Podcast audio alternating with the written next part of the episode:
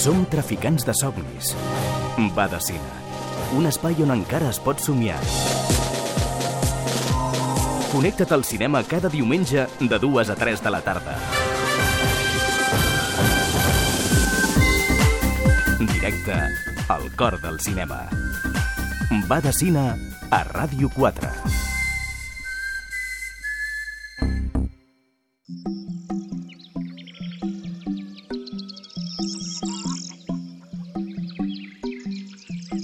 L'agricultura és la mare que proporciona totes les matèries primeres que donen moviment a les arts i el comerç. Món Rural. L'actualitat del món del camp. Cada dissabte a dos quarts de nou del matí a Ràdio 4. La primera en català.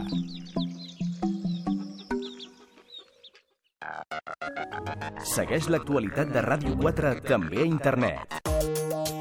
Clica a rtv-e.es barra ràdio 4. Entrevistes, reportatges, notícies, esports. A Ràdio 4 a la carta hi trobaràs el més destacat del dia i de la programació de la teva emissora. Recupera al web el més important del que està passant. Clica a rtv-e.es barra ràdio 4. Ràdio 4 també a internet. La primera en català.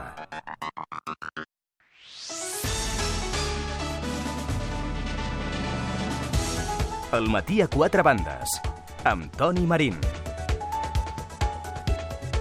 Les 10 i 7 minuts. Els deia ara fa una estona a les persones que ens acompanyen que, per mi, a títol personal, eh, realment el divendres comença ara, en aquests moments. Quan veig aparèixer per aquí la Gina Giró. Hola, Gina, què tal? Bon dia. Hola, molt bon dia. El Dani Garcia. Hola, Dani. Hola, bon dia. La Gina és membre de Pompeu Nòmics i el Dani Garcia és el portaveu dels avalots de la UGT, les eh, joventuts eh, de la UGT. I el Rodrigo Martínez. Què tal, Rodrigo? Bon dia. Hola, bon dia. El Rodrigo és el secretari general d'Estudiants pel Canvi. A partir d'ara comença, efectivament, el cap de setmana, d'alguna manera, no? Quina setmaneta, no, Rodrigo? Sí, sí, no? Què ha passat? Uh... No, no, no, no saps què ha passat aquesta setmana? No, no, jo ja passo de tot, perquè això no, no, pot, ser, no pot seguir així. Eh? No. A lo millor si no fem cas a les coses que passen, deixen de passar. Si no fem cas a les coses que passen, deixen de passar? Tu creus? Sí, això, és, això jo crec que això de la corrupció ho fan perquè no mirem el futbol. Curiosa teoria, eh? Que ha- has esmorzat bé avui, Rodrigo? Sí, sí, sí, he esmorzat bé, sí. Gina, què tal la teva setmaneta? Molt bé, molt bé. Bueno, ahir va passar una cosa molt, molt important, que és que es va fer oficial la renúncia del papa. Uh -huh. I no sé què en penseu d'això. Què en penses d'això, Rodrigo? Bueno, ja, ja sabia que, que passaria això, eh? La setmana passada jo ja sabia que... Home, ja, però ahir va ser el dia important, que Sí, va sí, sí. abandonar el Vaticà, etc. Sí, no. Ara ja estem en no? Eh, eh, període ho, seu ho vaig veure una mica, eh, sí, vaig estar llegint una mica en directe, no?, com, com passava tot, i, bueno, crec que va estar bas- bastant bé, va ser, fins i tot eh, una mica emotiu. Eh, no, bé, bé, no sé, jo crec que és la seva decisió. Jo, jo, jo, jo, jo, em plantejo, jo em plantejo, de veritat, Dani, és què deu sentir aquest home aquest matí? No? Fixa't quina cosa, no? Perquè fins ahir totes les càmeres del món l'estaven enfocant. Eh, crec eh, que hi ha, hi ha una fotografia a un diari, ara no recordo quina és, no? que se'l veu d'esquena just quan es gira i entra dins el que fins ara ha estat el seu apartament, que diu eh, Benet XVI s'amaga del món, no? perquè probablement serà una de les darreres vegades que, que el veurem, no ho sé, però tot sembla indicar això, no? Ha de ser curiosíssima la sensació que tingui aquest home aquest matí. Sí, bueno, el que està clar és allò que diuen, no? Eh, De rei muerto, rei puesto. Vull dir, una persona mentre està al poder té una sèrie de poder i l'endemà que ho deixa, doncs ja deixa ser una altra persona. Però a mi el que em preocupa també és una mica la imatge, no? Cal a marxar amb helicòpter? Eh, vull dir, s'ha de fer així? Bueno, no ho sé, eh? Vull dir, aquesta persona plega de les seves funcions, dimiteix per assumptes que encara no han sortit a la llum. Espero que surtin, perquè, clar, hi ha temes de pederàstia, hi ha temes d'abusos sexuals, hi ha temes de corrupció dins de l'Església, i jo penso que és un tema prou important i que suposo que algun dia haurien de sortir a la llum. I com a màxim responsable d'aquesta religió, doncs aquesta persona suposo que dimiteix, a part de que té una edat avançada, i bueno, ara una mica doncs, a veure no? Qui serà el nou papa i quins són els seus, la, la seva missió a la Per Terra. què dius això de l'helicòpter? M'ha cridat l'atenció el que deies de l'helicòpter. Què et sembla, exagerat a nivell de despesa? Bueno, més que de despesa em sembla totalment ostentós i en moments on hi ha molta gent que està passant gana, l'Església hauria de, eh, una mica, doncs, predicar amb l'exemple. No i- creus, en, en qualsevol cas, eh? no, no, no creus que és un, un, un dispositiu molt més bèstia el que genera un trajecte per carretera? En el sentit en el que les mesures de protecció es disparen, amb això és un helicòpter que puja i se'n va. I l'altre és tot Bueno. un dispositiu de policies, de tallar carrers, etc etc. no? Bueno, se'n va. Em sembla que va ser uns minuts davant de la plaça de Sant Pedro. No, se'n va, se'n va a Castell... Sí, sí, a- eh, no? sí, sí. A Castell Sí, Gandolfo, sí, sí. efectivament.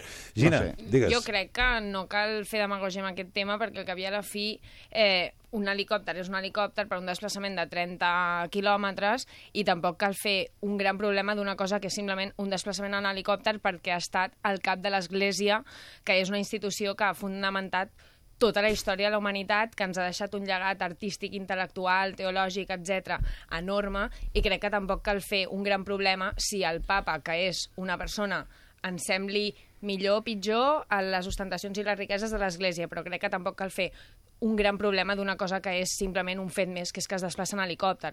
I, i com abans es comentava, si s'anés per carretera s'hauria de muntar un dispositiu de seguretat molt bèstia, perquè tots sabem que Bé, suposo que estaràs d'acord que el papa se l'ha de protegir, no? Perquè vull dir... Oh, ja no és papa, no? Però bueno... Bueno, però és que el papa... Papa ens, hem de, ens hem de remuntar fins l'edat mig, eh, a l'edat mitjana fins que veiem una, un papa que dimiteix sense que s'hagi mort. I ahir deien, el, en el lloc aquest en el que ell ara es, eh, viurà durant els pròxims mesos, que se'l seguirà veient com a papa almenys fins que s'escolleixi el següent. I jo crec que podem estar més d'acord o menys d'acord, però és el papa, vull dir... Sí, sí, sí, a mi em sembla molt bé. Sí, em, sembla molt bé em sembla molt bé tot això, i jo no faig com un gran problema, ho dic com a anècdota, doncs que potser en la situació que estem no calia marxar amb helicòpter, però bueno, més d'enllà d'això tampoc vull donar-li més importància en aquest fet. Eh? Bueno, les 10 i 12 minuts. Algú de vosaltres ha anat al uh, Mobile o no? Al Mobile Congress o no? Heu seguit les... Sembla eh, que les entrades de 700 euros Sí, caríssimes, escapen, se'ns eh? una mica. Eh, 700 euros. 700 euros les entrades, però això no ha estat un inconvenient perquè s'hagin assolit tots els rècords de participació, 72.000 persones, aquest matí ho explicàvem, 320 milions d'euros ha deixat a la ciutat de Barcelona. Després de les 11 en parlarem una mica de com ha anat tot el tema del, del mobile i de més, no? Però el tema novetats, heu seguit alguna cosa o no? De com seran els nous telèfons, què s'estem Home, jo, jo he vist el, el Nokia, em sembla que traurà un model molt barat, molt senzill, eh, però però que serà amb internet i aquestes coses, no? Un, un model smartphone econòmic, no? Per així dir-ho. Em sembla per uns 15 euros, Sí. crec, no? Una Sí, cosa sí, sí. molt barata, molt barata, digues. Sí, van una mica en aquest... eh, Bueno, jo eh, ja tinc dues, bueno, tres novetats que he seguit una mica. Són eh, smartphones eh, low cost, sobretot per les poblacions emergents. Uh -huh. eh, les tablets, sobretot tablets cada cop més resistents, i després sistemes, eh, em sembla que el Mozilla i em sembla diferents sistemes eh, informàtics doncs, que serveixin també doncs, pel mòbil i sobretot el que també m'ha fet una mica de bueno, cer- certa gràcia és que per part de la Generalitat eh, d'alguna manera ha recolzat doncs, petites empreses catalanes a que estiguin i en aquest Crec que 57, en exactament. aquest World Mobile Congress, que realment ha estat una finestra cap al món i em sembla que s'està planificant el d'any següent. I per tant jo penso que és una molt bona aposta. Estic d'acord, jo no he seguit massa bé tot el tema de les innovacions tecnològiques, però sí que és cert que estic molt contenta que la ciutat de Barcelona hagi pogut acollir aquest congrés i que ha estat, bé, tots hem llegit els diaris, ha estat un rècord absolut, ha reportat molts beneficis a la ciutat i és un, um, doncs dona molt de renom a, a tot el món perquè això és un congrés que, bueno, tal i com està ara tot el tema de les noves tecnologies s'ha seguit arreu del món i, com deia el Dani, doncs es, segurament es tornarà a repetir, no serà el primer any, i no serà l'últim any, perdó, i bé, en fi, que s'han d'apostar per aquestes coses. Ja que moltes coses no van bé, doncs intentar fer congressos que apostin per la tecnologia, per la innovació i perquè almenys doncs, siguem un punt de referència en, aquestes, en aquests sectors punters. Està molt bé. És veritat que tret del eh, tema del Mobile Congress, la resta de notícies que hem tingut aquesta setmana no és que convidin ni a l'optimisme, ni a l'alegria, ni, ni ens deixin titulars massa, no sé, massa positius. No hem tingut, per exemple, tot aquest enrenou dins la família socialista, entre el PSOE i el PSC, dins el PSC, entre el eh, Pere Navarro i la Carme Chacón...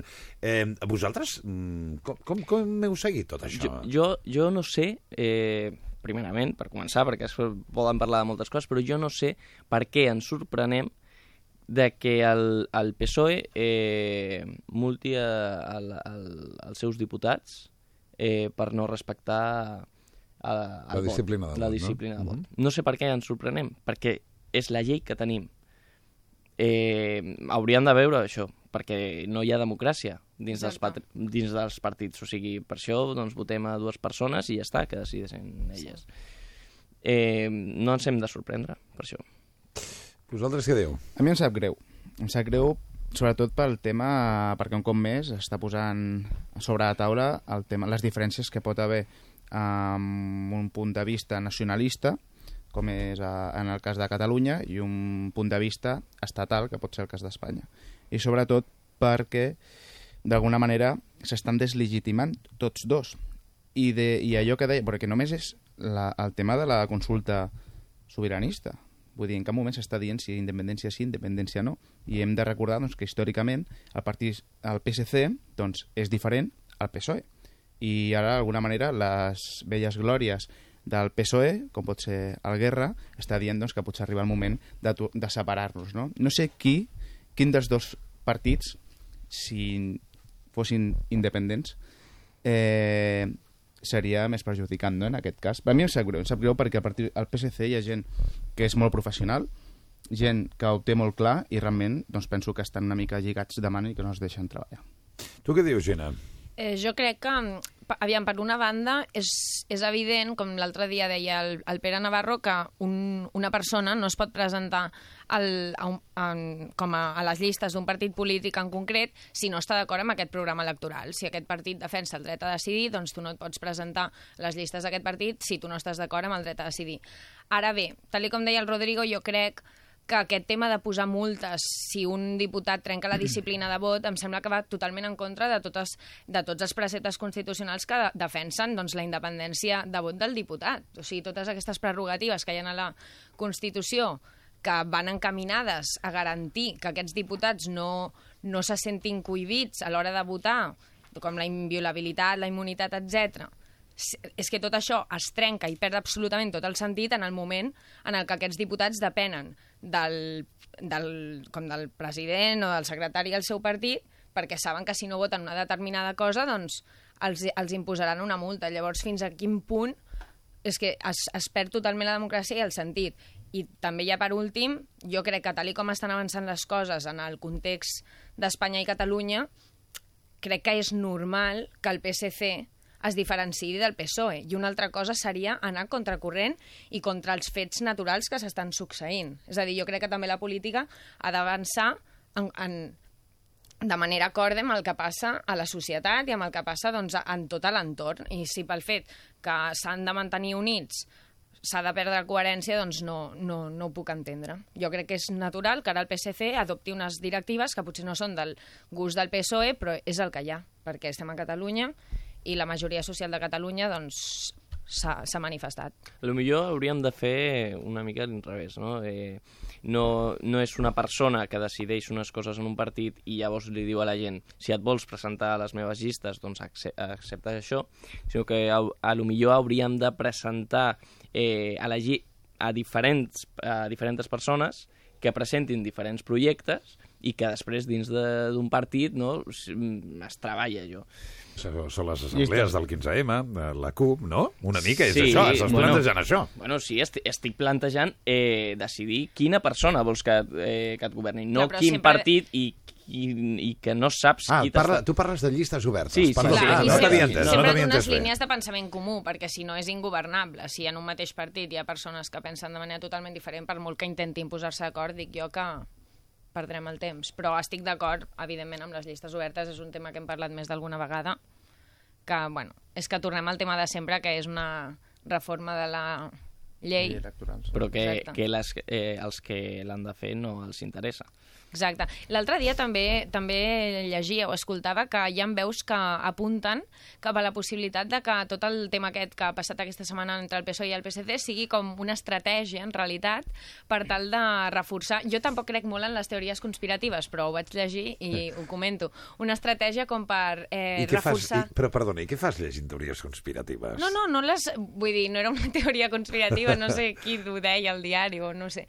I deia això de que potser és com una estratègia estratègia per reforçar el paper de la Carme Chacón dins del PSOE, com a líder per al PSOE dins d'Espanya, i a la vegada reforçar el Pere Navarro, doncs, que també ho necessita, pobre, a Catalunya. Però penseu que realment, ho dic perquè jo he llegit també articles en aquesta direcció i en la contrària, perquè que Carme Chacón no hagi votat a cap de les dues eh, opcions no la debilita més que no pas eh, l'enforteix? Jo crec que sí. Jo, jo també crec que sí. Jo crec que si estàs en aquesta posició has de, tenir, has de ser coherent, has de tenir valor i t'has de mullar i posicionar-te. Vull dir, el que no pot ser és estar entre dues aigües. Ara, d'aquí no voto, allà tampoc, i perquè això jo penso, bueno, debilita, jo penso que debilita, eh? Debilita perquè mostra incoherència. També és cert que a Espanya agrada el que agrada i tot el que hi ha una gran majoria a Espanya que tot el, allò que sigui votar en contra del dret a sigui català votar en contra del, això de la declaració de sobirania, etc, doncs això en general agrada. Ja. Llavors, potser el, el que és a la meseta central, potser la reforça. Tu creus? Sí? Jo crec que a molta gent això li agrada. Vull dir, jo crec que sí. No, jo crec que el que agraden són les definicions. Que tu diguis A o diguis B, i els que agraden els A estaran amb tu, i els que els hi agrada el B estaran en contra teva. Però si no dius ni A ni B, qui et defensa? Mm, Sí, però també és no veritat que- Això se'n diu no voler-se mullar, eh? Sí, però la, la senyora Chacón sí que és veritat que, mm, aviam, tampoc s'ha mullat, però s'està mullant més d'una banda que va de l'altra. És a dir, sempre va com més en contra del dret a decidir català que d'una altra cosa. I um, posa molt explícit que ella vol establir ponts entre Catalunya i Espanya, cosa que és molt respectable i jo crec que això a Espanya doncs, li fa guanyar força. Digues, digues, No, Dani. no, jo recordo que sí que es va posicionar, però abans de les eleccions em sembla Mhm. que va dir que recolzaria el PSC i després doncs, s'ha vist doncs, que no ha recolzat ni el PSC ni el PSOE. Vull dir, hi ha declaracions televisives Val a, dir, val a dir també que segurament des de les eleccions fins ara han passat unes quantes coses, no? I diguem que s'ha incrementat el grau de decibelis envers de determinades qüestions sí, i han sí, augmentat està clar. també les sensibilitats i probablement més d'un i més de dos s'ha trobat havent de mm, optar per una postura amb la que no hi comptava, que Això- també això és també és possible, veritat, no? això també és veritat. Però això és la política. Vull dir, la política és mullar-se quan un s'ha de mullar. Ignacio Fuentes, què tal, Ignacio? Bon dia. Bon dia, què S'incorpora tal? una mica tard, però sí, més val tard que mai. Com està el trànsit? Molt uh, intens, no? Sí, molt intens. A Glòria és molt intens, sí. Fa molt de fred ara o no? No, no molt. No molt? No. L'Ignacio Fuentes és estudiant d'Administració d'Empreses a la Universitat Internacional de Catalunya. Estàvem parlant una mica de la situació del PSOE, PSC, Carme Chacón, Pere Navarro... Tu com estàs vivint tot això? Bueno, yo creo que lo del PSC y PSOE, Carmen Chacón estará donde tenga poder. Eso ya se le ve que le gusta más el poder con todos los palotes, ¿no? Y sí, y entonces eh, en el PSC ha visto, hace dos años se intuía que podía presentarse como candidata de la Generalitat. No sé sus problemas internos, pero al final no la, no la apoyaron. Entonces, yo imagino que cuesta presentar a una señora que ha sido ministra, ministra de pues eh, de defensa en España, pues a nivel de Generalitat debe costar bastante para el voto más catalanista del PSC.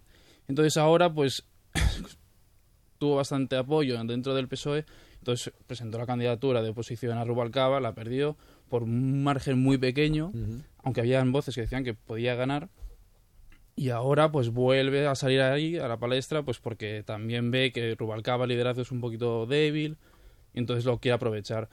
Lo de lo de la abstención esa de que no se presentó a la votación y esto es muy significativo porque si tú te mojas te mojas o por un lado o por otro, pero no a medias tintas no. La gente en los partidos políticos no quiere gente a medias tintas. O te declaras mucho por una banda o por la otra. Porque si no contentas ni al sector más catalanista ni al más españolista.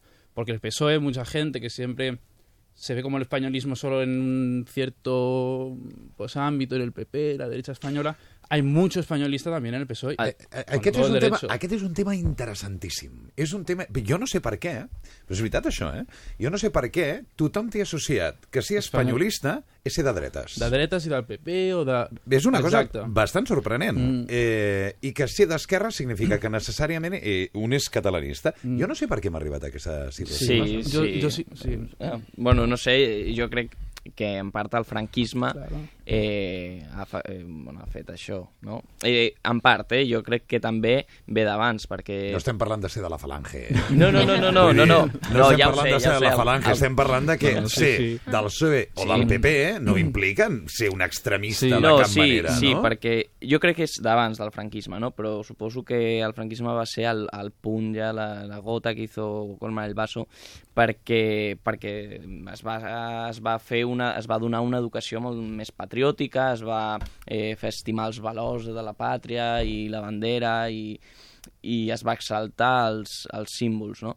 I llavors jo crec que, que va ser això eh, venia d'abans, perquè la república, una, les repúbliques d'esquerres que van tenir eh, no van... tampoc van, van afavorir el, el carinyo a Espanya, no? Mhm. eh, I hi havia aquest, com aquest sentiment pro, pro, pro-soviètico, no? I, I aquestes coses. Llavors, Sí, és, també el progressisme en aquell moment incitava doncs, a abandonar una miqueta el tema nacional. Però suposo. fixeu-vos, hi ha un exemple que és claríssim, sobretot, que és el de l'Albert Rivera, el uh, president de Ciutadans. No? Ciutadans és un partit polític que es defineix més de centre-esquerra que no pas de centre-dreta. Però, en canvi, la imatge que té tothom és que és un partit eh, de centre-dreta, dreta, dreta profunda. I és una cosa ben curiosa, perquè només respon no al que és el, el seu programa polític, al, al que opinen sobre les polítiques socials, el que opinen sobre les polítiques econòmiques. No, és només el que fa referència a, a defensar eh, el que Catalunya és Espanya. No? És curiós, això. Bueno, una mica suposo que també deu, deu tenir a veure amb la llengua que s'expressa, no? Vull dir, hem de recordar que aquí durant molt de temps el català va estar prohibit a Catalunya i des de l'òptica catalana... clar, però ja per parlar cat, castellà...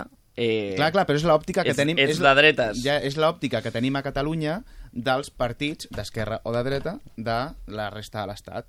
I en aquest cas, Ciutadans, que seria de, de centre-esquerra, doncs s'expressen en la llengua espanyola i la gent doncs, el veu doncs, de dretes. Sí, això és una mica miopia de la política catalana, perquè Sí, sí, realment sí. jo no veig a Ciutadans un partit de centre-dreta en absolut. Vull dir, és dels que està donant més canya amb el tema de la corrupció, demanant declaracions pel tema No, del però- cas Palau. Bueno, pero Ah, el, pero tema, eso- el tema de corrupción no tiene, no tiene colores políticos en ese sentido. Home, yo creo no que... els té, però sí que els té. No, yo Perdona. creo que no. No, yo creo la que gente son es todos corrupta. La gente es els corrupta de, tanto de i derechas como de izquierdas. Dretes, sí. Eso, eso no tiene nada Bueno, que això és un altre tema. També és Jo- veritat que els que tenen més corrupció són els que han estat més temps al poder i els que no tenen, vale, els que no han estat al El poder, poder no els hi ha donat temps a exacto. corrompre. Ah, Però sí que és cert que en el tema de eh, a l'hora de la veritat, vull dir que moltes vegades sobre el paper i sobre la teoria sembla que tots estan en contra de la corrupció i tots la denuncien, però en el moment en el que toca votar per donar explicacions o per canviar les lleis, uns partits estan més actius que altres. Van explicar fa, fa poc, una, una curiositat, no? però els de, els de Bildu, eh, que tenen ara mateix estan en molts ajuntaments al, al País Basc, és un tema que, es, que es, van, es van prendre en sèrio eh, des del primer moment que van, que van començar el tema de la corrupció perquè, perquè els podien agafar per qualsevol cosa, no? I si els agafaven, se'ls carregaven. I és una cosa amb la que tenen molt, molt, molta cura. I O sigui, la, la, la conclusió d'això és que hem de posar vigilants als polítics? Hem de posar vigilants. No, no, s'haurien de vigilar ells mateixos. Haurien, és que, clar, ja, és que no tenen ni vergonya, perquè només per no sortir als diaris eh, en un judici o sortint de, de la comissaria... Però és que no només sé, per això la gent normal ja no ho faria, no? Encara que en un moment donat Però, poguessis tenir dir- incentius, només per la vergonya Segur? ja no segur. Gina? Segur?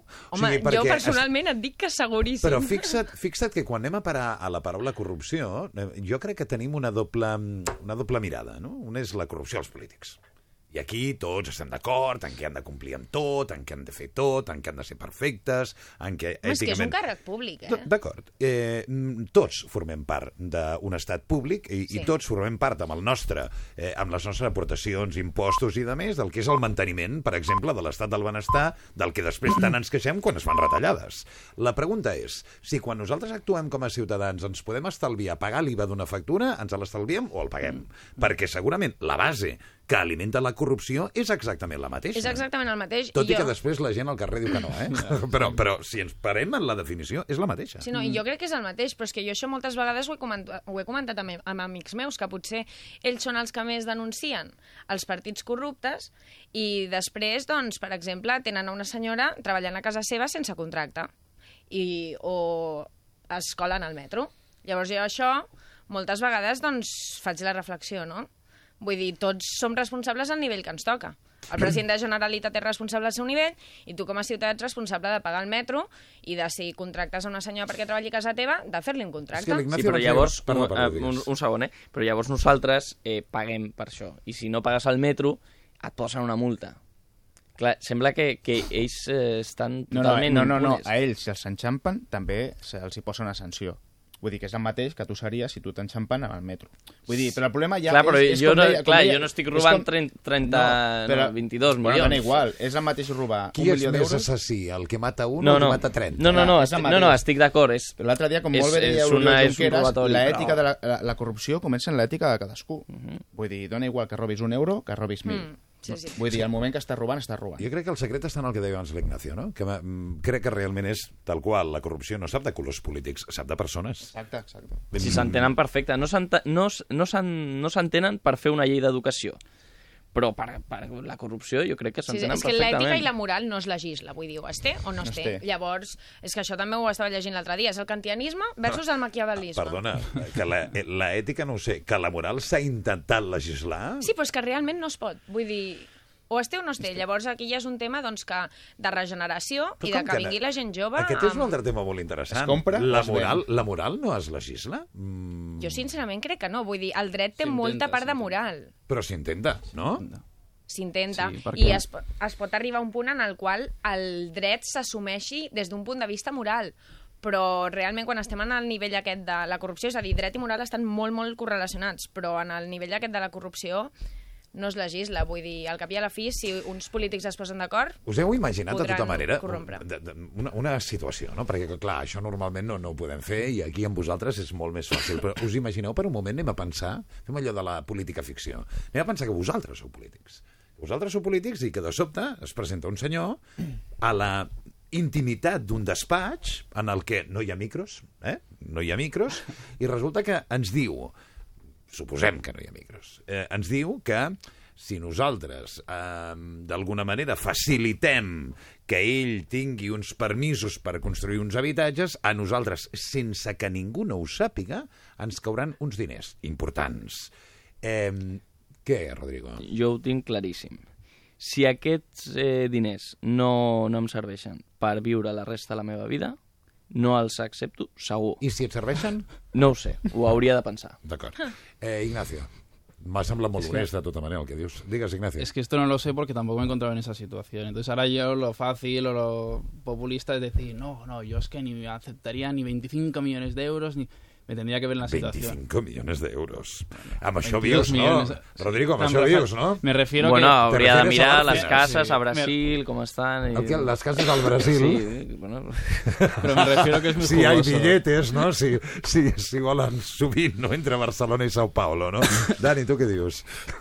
No, no ho sé, no m'ho no he plantejat mai, però suposo que em sentiria malament. Jo m'he arribat a trobar una cartera al cine i l'he tornat. Ah, no, jo també faig aquestes Vull coses, dir, però... no sé, a mi em, em costaria. A mi em preocupa una cosa molt més que això, em preocupa, que és una cosa que també va fer referència l'altre dia, és que m'acusin d'una cosa, tothom doni per suposat que allò és veritat, quan realment no ho és. La pena del telediario. N'hem parlat Clar. abans mitja horeta, però està bé saber Perquè què tu penseu. ja ets culpable d'aquell fet. Ho hagis fet o no ho hagis fet. I a mi això gairebé em preocupa més que realment que jo, si jo he fet una cosa i ha proves que ho he fet, ei, que em caigui la màxima pena possible o el que sigui, que es faci justícia. Però el que em, sap molt de greu és que hi ha molts polítics que són honestos, polítics i persones que són honestes Polítics i... i persones. polítics i persones, en general... Són dues coses Està molt diferents. bé, està molt bé, no, Dani. no, no, no, volia dir... Estan els polítics i les volia dir, persones. volia dir En, ciutadans. entens ara perquè el, quan dic jo això de que el meu divendres comença quan arribeu vosaltres? Sí, perquè diem coses així. Allò Ningú com... diu aquestes barbaritats, eh? Podria dir persones humanes. Persones no. humanes. Eh... No, però una mica, doncs això, no? Vull dir, el judici públic que es Sí. fa quan moltes vegades eh, no deixem actuar ni, ni a la justícia. Dia. Gina, tu no has dit res de, del que estàvem parlant. Eh, sí, bé, això Tens que preu, tu, o no? Tens preu o no? Aviam, és que és el que deia ell, el populista seria dir no, i jo realment crec que no el tinc. El que passa és que, clar, és que fins que no et trobes Clar, en és que- aquesta situació, després potser les coses et canvien, però jo et dic sincerament ara que jo m'intentaria Jo vaig- imposar jo ho vaig tota a fer tentació. encara- Ho vaig a posar una mica més difícil. Ho vaig a posar una mica més difícil, perquè una cosa és allò tan clar de dir acceptes el xec o no l'acceptes. És que jo crec que no l'acceptaria. Val, val, Sí, però, però però, això, és, però això és molt fàcil. Però ara posem per cas, Gina, que t'enamores. Sí. T'enamores d'un senyor que té molt poder. Mm. I que gràcies al poder que té aquest senyor, tu tens millor entrada en altres jocs, reunions i demés. Te n'aprofitaries d'això o no? Perquè això no té xifres directes. Això és simplement tràfic d'influències, no? Ho aprofitaries o no? Ara estic pensant en Iñaki Urdangarín, evidentment. Sí, però, clar, aviam, quin tràfic d'influ- d'influències? Vull dir, eh, una cosa és aprofitar-te'n potser per tenir més contactes, assistir a esdeveniments... No, això és normal. Ah, Exacte, No, això és normal la i evidentment ho faria, però Adjudicació de contractes. és que Jo ho tinc claríssim. crec no. que no, eh? És El que Dani- jo crec que el- no. El Dani no. A mi em faria vergonya. És que a mi també. Vull dir, vull dir, vull dir no sé si és la cultura aquesta... Jo estic convençut de que el que dius és veritat. Eh? No, vull dir, això sí que ho tenim molt els catalans, no? Que de vegades ens ho mirem... Al, vull dir, a veure com m'explico perquè s'entengui. De vegades ens mirem més si coneixes algú, aquell favor, eh, d'alguna manera dir, mira, millor no, per, perquè això segurament comportarà problemes, que acceptar aquell, aquell regal, aquell favor uh -huh. o aquella cosa. Eh, Rodrigo, què? Mm, Pot ser una senyora gran o Per... una senyora amb molt poder. Pot ser gran i amb molt poder. Vale. Mm, El tema del poder ho entenc. Que sigui gran...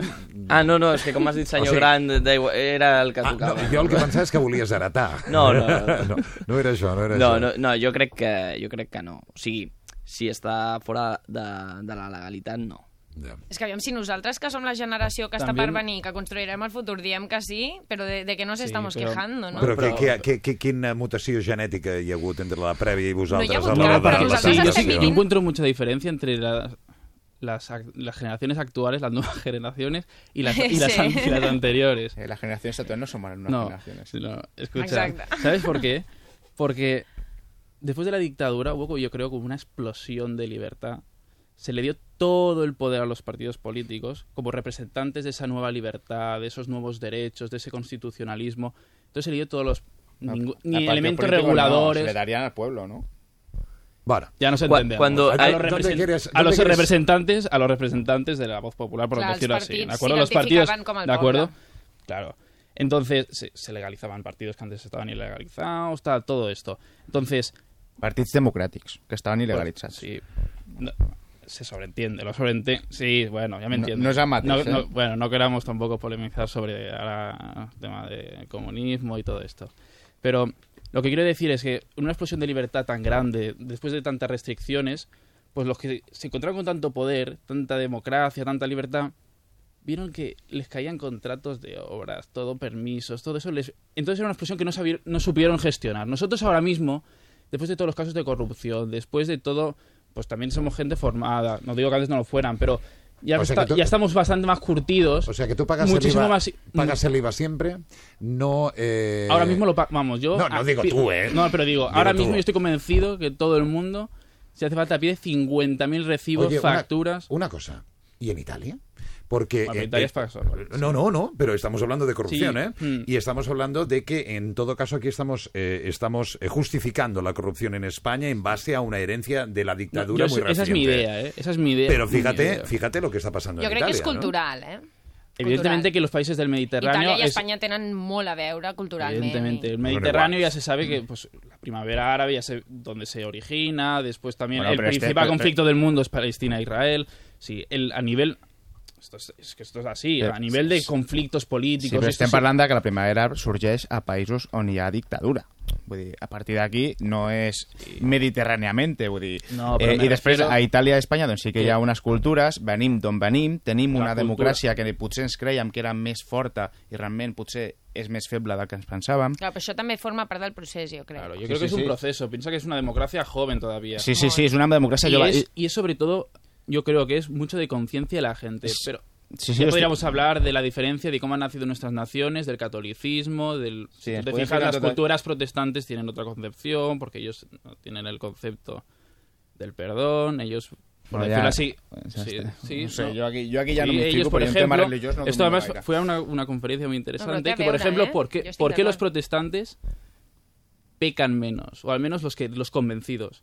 Porque ellos no tienen la confesión. Ellos se van al, ellos se van por decirlo, al final pagan, ellos su conciencia es, yo al final voy con un saco de decir, he hecho todo esto mal. En cambio los católicos, yo soy católico practicante y lo reconozco, en cambio, cuando hacemos algo muy gordo, ¿qué hacemos? deslliurar, no? Pues perdón, perdón, no volver a hacerlo. Uy, Entonces, esa es la cultura, esa es la cultura de católico, que muy bien, yo lo defiendo, pero me refiero que a nivel histórico pues ha creado diferencias. Yo que he hablado con alemanes esto, los alemanes lo que vivimos aquí i suecos ja ni te cuento, és que... De seguida saludem el eh, Jaume Garcia, perquè ja sabeu que a aquesta hora ja el Jaume... Ja... Bé, de fet, ja està per aquí, no? Deixa'm que li digui hola. Hola, Jaume. Hola, bon dia, Toni. Fa molt de fred a Huesca avui, avui o no, Òscar? Doncs no ho sé, perquè estic a Lleida. Ah, estàs a Lleida avui, mira, ni ho sabia. I Sí, a, sí. a Lleida, déu nhi el fred que deu fer, no? No, fred no. El que passa és que és un dia poc agradable per sortir al carrer. Ja, Això sí que és cert. Això és veritat. Escoltem una cosa. Ahir, ahir van haver-hi eh, dues persones molt interessants en aquest eh, programa parlant, i ho estem fent cada setmana, sobre tot el tema de la successió de Benet XVI. I, per tant, mm, una de les qüestions de les que havíem de parlar necessàriament era a què havia de fer front el nou papa. Em va sorprendre molt un tema, el tema dels nous pecats. Em va semblar interessantíssim, de veritat, i li dedicarem, eh, des de la perspectiva catòlica, eh, li dedicarem eh, una estona a parlar sobre aquesta qüestió dels nous pecats, perquè, per exemple, l'exemple que van posar al programa van ser les descàrregues il·legals, que és una cosa que ningú no hi pensaria, però és veritat, segurament, si tan dolent és anar a un aparador i robar una pel·lícula, si entenem que una descàrrega il·legal és un robatori, és un pecat, no? Com, com, com veieu aquest tema? Sí, sí, això es, es, es va començar a parlar fa temps. Ah, Ja ho havíeu sentit, sí, vosaltres? sí, i el tema, Era- la, el tema de l'ecologia també. Era la primera... Eh, el tema de l'ecologia o Sí, què? sí, cuidar el medi ambient també... No, no fer-ho és un pecat. Eh, no fer-ho és un pecat. Sí, no, no sé exactament eh, com està, No, s'estava parlant. bueno, molt No és coherent. un, un, paga, un pecat lleu, depèn, supongo, suposo, de, del que facis, no? Eh, les descàrregues il·legals, doncs, eh, és complicat, no? O sigui, ets un pecador, Rodrigo. No, no, no, no ho sé. No, no, reconèixer-ho, no, no, reconèixer-ho, no molt, eh, home. no molt. No molt perquè, perquè només ho faig amb, amb pel·lícules o molt, molt, molt dolentes o molt difícils d'aco- d'aconseguir. Ja. o sigui que això traduït en un robatori en una botiga seria que t'has anat a la planta d'oportunitats i has agafat el jersei tarat, no? Exacte. Perfecte. Jaume, com tenim el tema del cinema avui? Eh, doncs com el jersei de la planta d'oportunitats. Eh? Tarat una mica també, Una mica no? tarat, sí, Amb algun forat, alguna cosa que has de cosir. Ve de preu, Sí. però o no? A veure, eh, avui hi ha unes quantes estrenes, jo només en salvo dues. La resta suspenen estrepitosament. Sí? I les notícies que porto són més de lo mismo, eh? O sigui, és a dir, O sigui que avui, com que, si, com, com que seguim parlant, no? eh, si voleu... No, a veure, A ara parlant seriosament. Fe, Fem-ho d'una altra manera. Heu anat al cine aquesta setmana vosaltres o no? Dani, Sí, bueno, aquesta setmana no, la anterior. què, què vas veure? Eh, aquella de l'esquizofrènia, com es diu? La... Com es diu? El lado bueno de les coses. Sí, el lado bueno de les coses. El lado bueno de les I no em va agradar gens. No et va agradar gens. M'agrada més aquella de l'esquizofrènia, eh, com a títol. Aquella de l'esquizofrènia està bé com a títol. Mira, sí. Doncs d'aquesta me n'havien parlat bé. Sí? Jo no l'he vist, però me n'havien parlat bé, però bé, si dius que no t'ha agradat... Per ja què no t'ha l'aniré a agradat. Dani? No sé, perquè aquí Robert De Niro fa una mica així com els últims papers que ha fet. Bueno, ara segurament el Jaume em criticarà. Eh? Perquè... Bueno, deixa'l.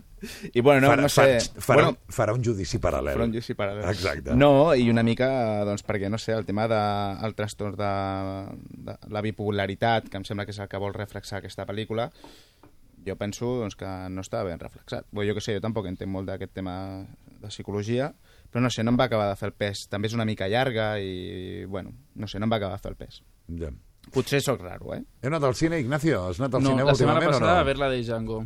Ah, Y ¿A me defraudó un poco. Un poco larga y, bueno, un poco Tarantino, pues eso que se le va un poco y empieza con cambios y tal, listo, pero bueno, no estuvo mal. Ja. Gina, i tu què? Jo no, és que sempre m'ho preguntes, però últimament estic passant una època de sequera amb això del cinema i he d'anar, i he d'anar. déu nhi I tu, Rodrigo? No, fa, fa temps també que no... Escolta'm, parlant de pecats, Jaume, és al·lucinant, ara. Jo que aquestes coses he de reconèixer que, que ho faig molt poc, de veritat. Eh? Altres sí. Sí que faig altres pecats, un altre dia en parlem dels altres. Però a, a, el tema de baixar-te una pel·li, mm. és que ho fas en 5 minuts. Una pel·lícula. No? Jo recordo abans que tiraves 3 hores o 3 dies per arribar a baixar una pel·lícula. En O 3 mesos, eh? O depèn de la 3 connexió, mesos. Sí, sí. Tens una pel·li a casa en 5 minuts. Mm. És brutal. Sí.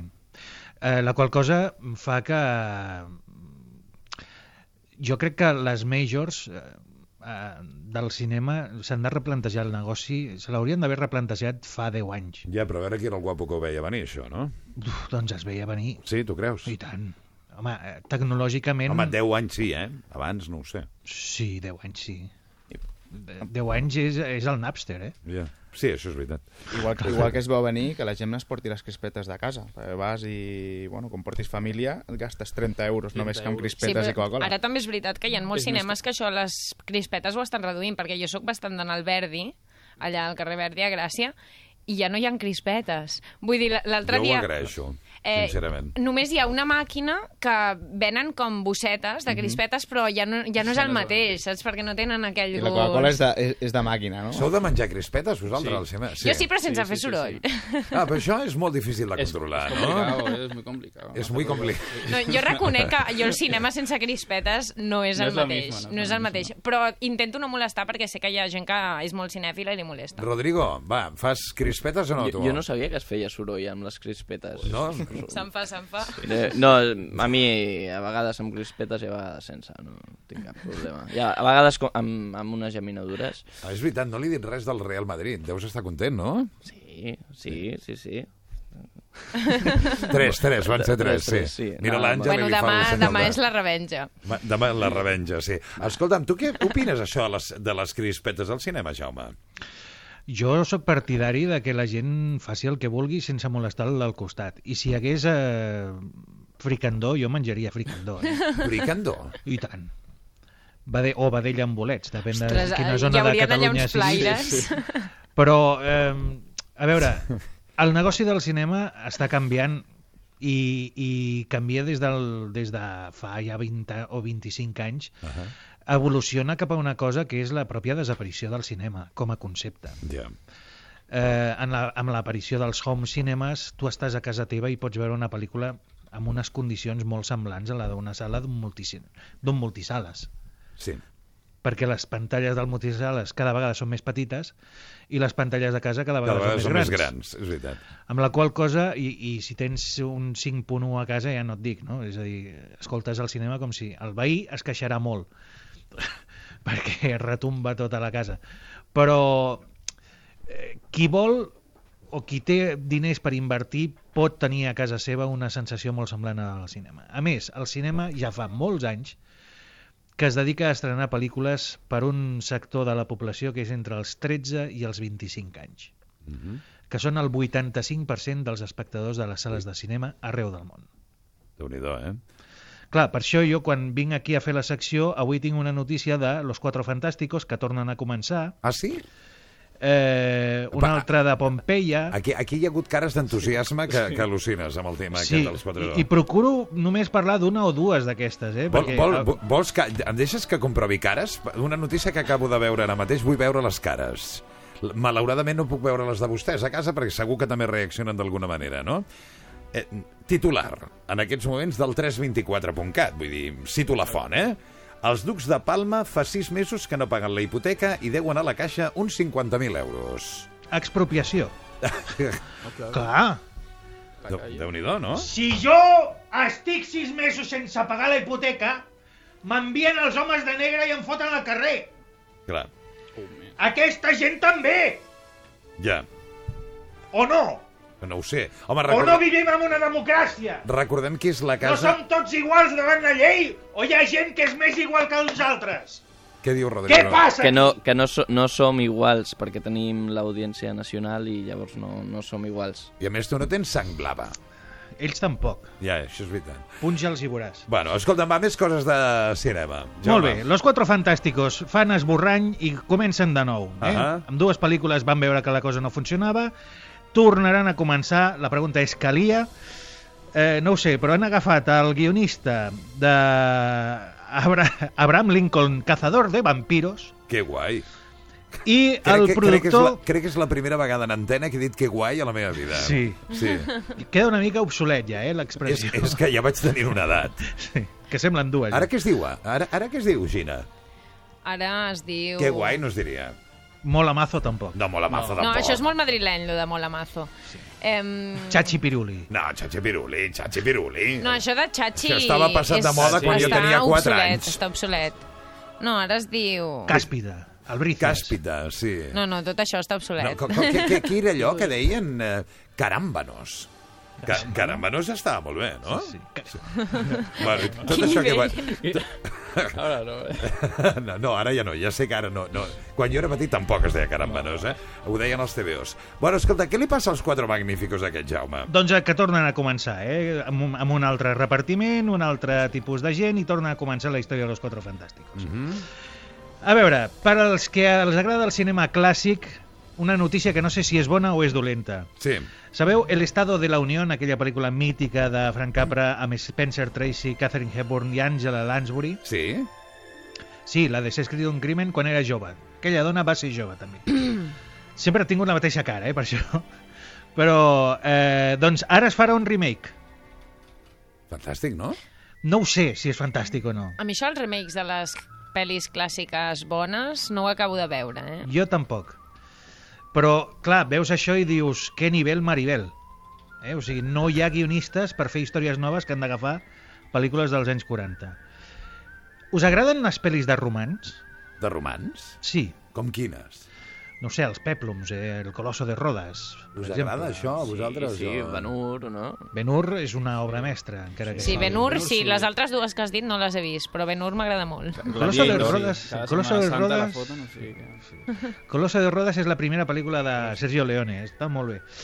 Bé, doncs, eh, ara podràs gaudir d'un nou peplum amb Pompeii, una pel·lícula de Paul W.S. Anderson, que és el de Resident Evil Venganza, una pel·lícula que no ha vist ningú, i eh, que protagonitzarà Kit Harington, que és el de Silent Hill Revelation. Eh?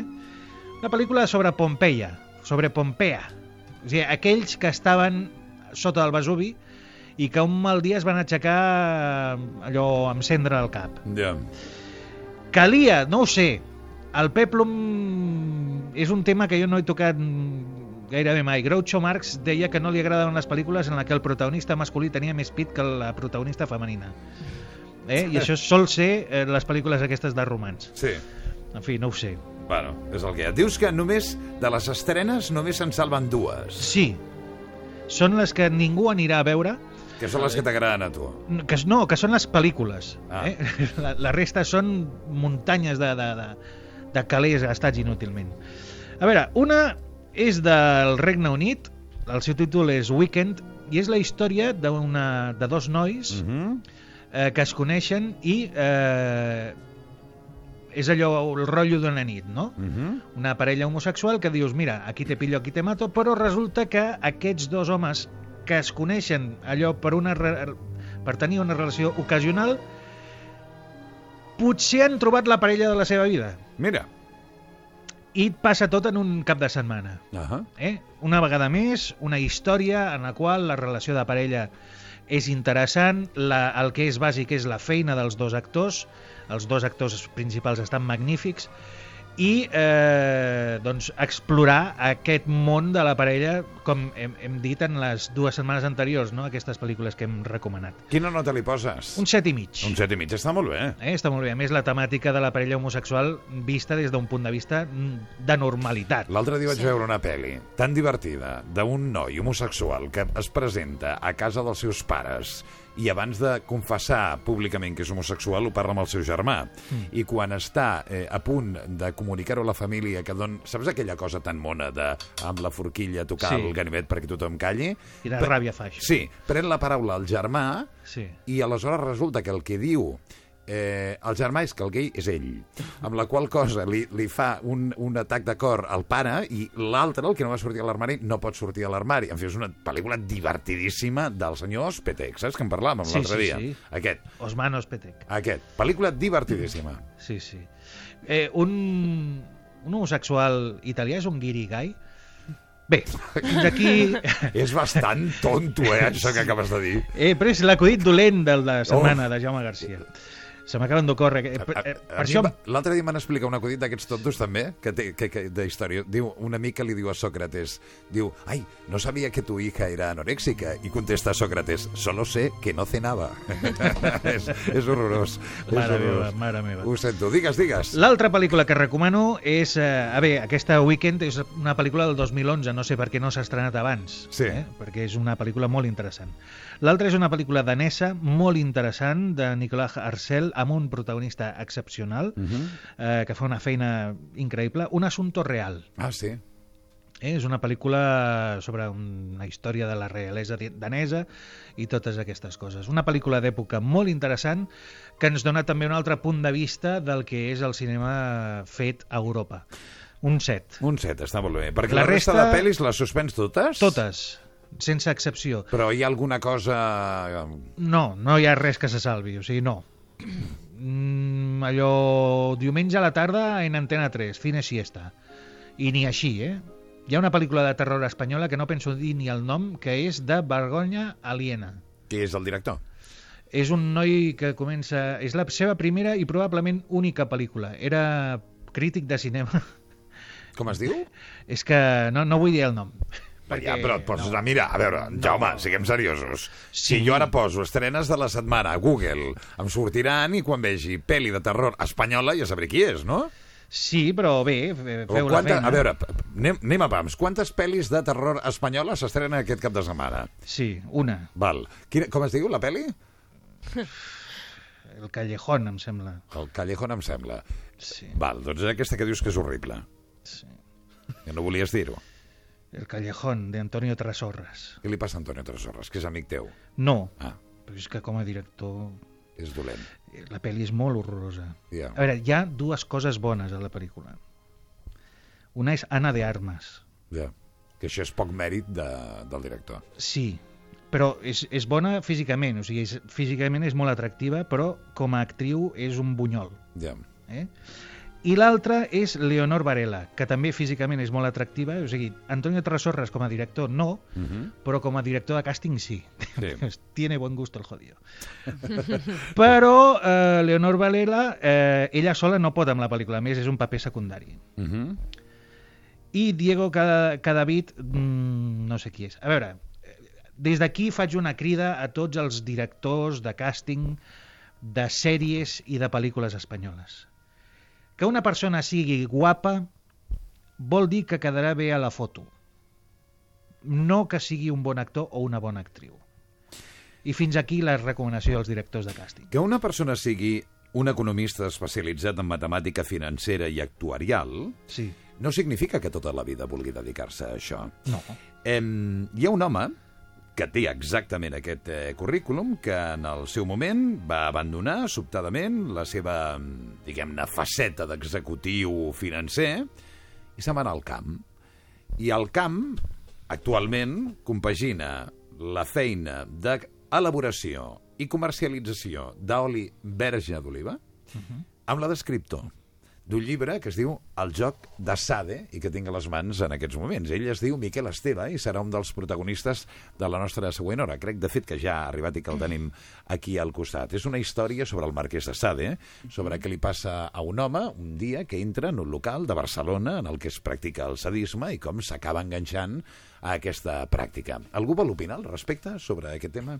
Em sembla molt Sobre- interessant. sobre- És, és molt sobre- interessant. És molt interessant. Digues, digues, Ignacio. Sobre el sadisme. Sobre el sadisme, clar. Us voleu quedar un rato? Ah, jo O- deia que em semblava Sí, molt sí, interessant sí, la sí, història del senyor, eh? Sí. Sí, sí. Què, Rodrigo, hi ha No pressa, hi ha pressa avui, Rodrigo? Mm? Hi ha pressa a dir que avui... Bueno, ens podem quedar una estona. Una estona. Molt bé. L'Ignacio... Sí, L'altre dia, precisament, això que estàs mirant per Wikipedia, vaig entrar a la, a la història de, de, Del Marquès de Sade, sí. i després d'una de les seves novel·les i després d'una de les impressionants. Impressionant, eh? Després en parlem. Gina, tu què fas? Jo me n'he d'anar. Doncs fins la, fins la setmana vinent. Adéu, gràcies, Dani. gràcies. Tu què dius? Jo em quedaré una estoneta. Quedes una estoneta, fantàstic. També el Rodrigo i l'Ignacio. Jaume, cuida't molt i passa una bona setmana. Gràcies, igualment. Gràcies. Ara fem una petita pausa. A la tornada mirem com ha anat això del Mobile Congress, parlem de sexe i fem més coses. A Ràdio 4, al matí a 4 bandes. Fins ara.